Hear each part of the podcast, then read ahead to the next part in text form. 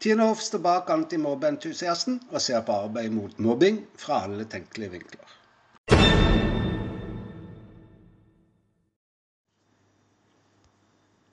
På dørterskelen til jul legger mange bak seg jobben og tar på seg foreldrehatten på heltid noen dager.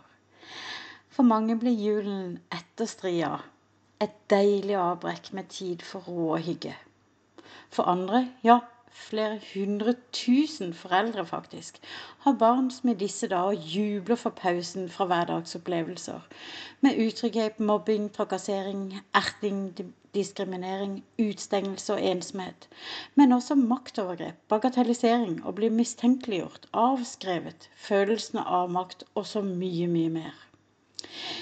Det vi ikke snakker om, er at veldig mange av foreldrene til disse barna opplever akkurat det samme, men da på voksenplan. Fra lokalsamfunnet, men aller mest fra offentlige instanser. Akkurat som barna blir flere av disse foreldrene avmektiggjort, mistenkeliggjort, gitt ansvar for barnas manglende bedring og utsatt for institusjonelt press og maktovergrep.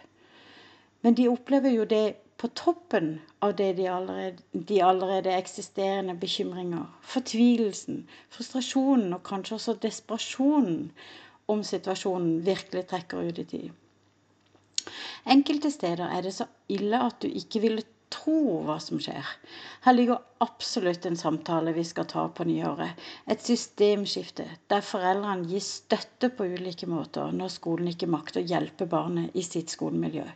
For det er ikke bare barna som opplever psykiske helsekonsekvenser i mobbesaker. Men det får vi la ligge nå. For det var den dørterskelen til familietid og juleglede jeg egentlig ønsker å bidra med i dag. Kjære forelder, her kommer mitt juleønske til deg.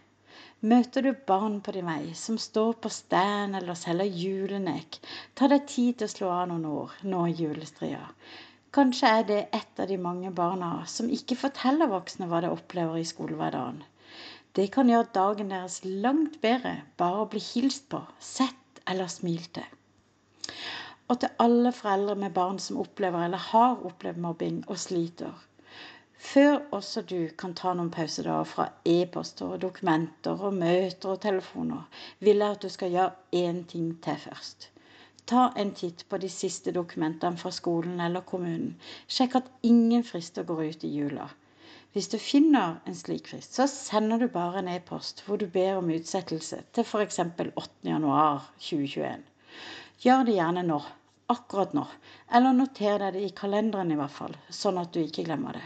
For husk, det som står på et stykke papir, er det saker vurderes ut fra, om du senere skulle trenge å klage eller prøve saken for retten.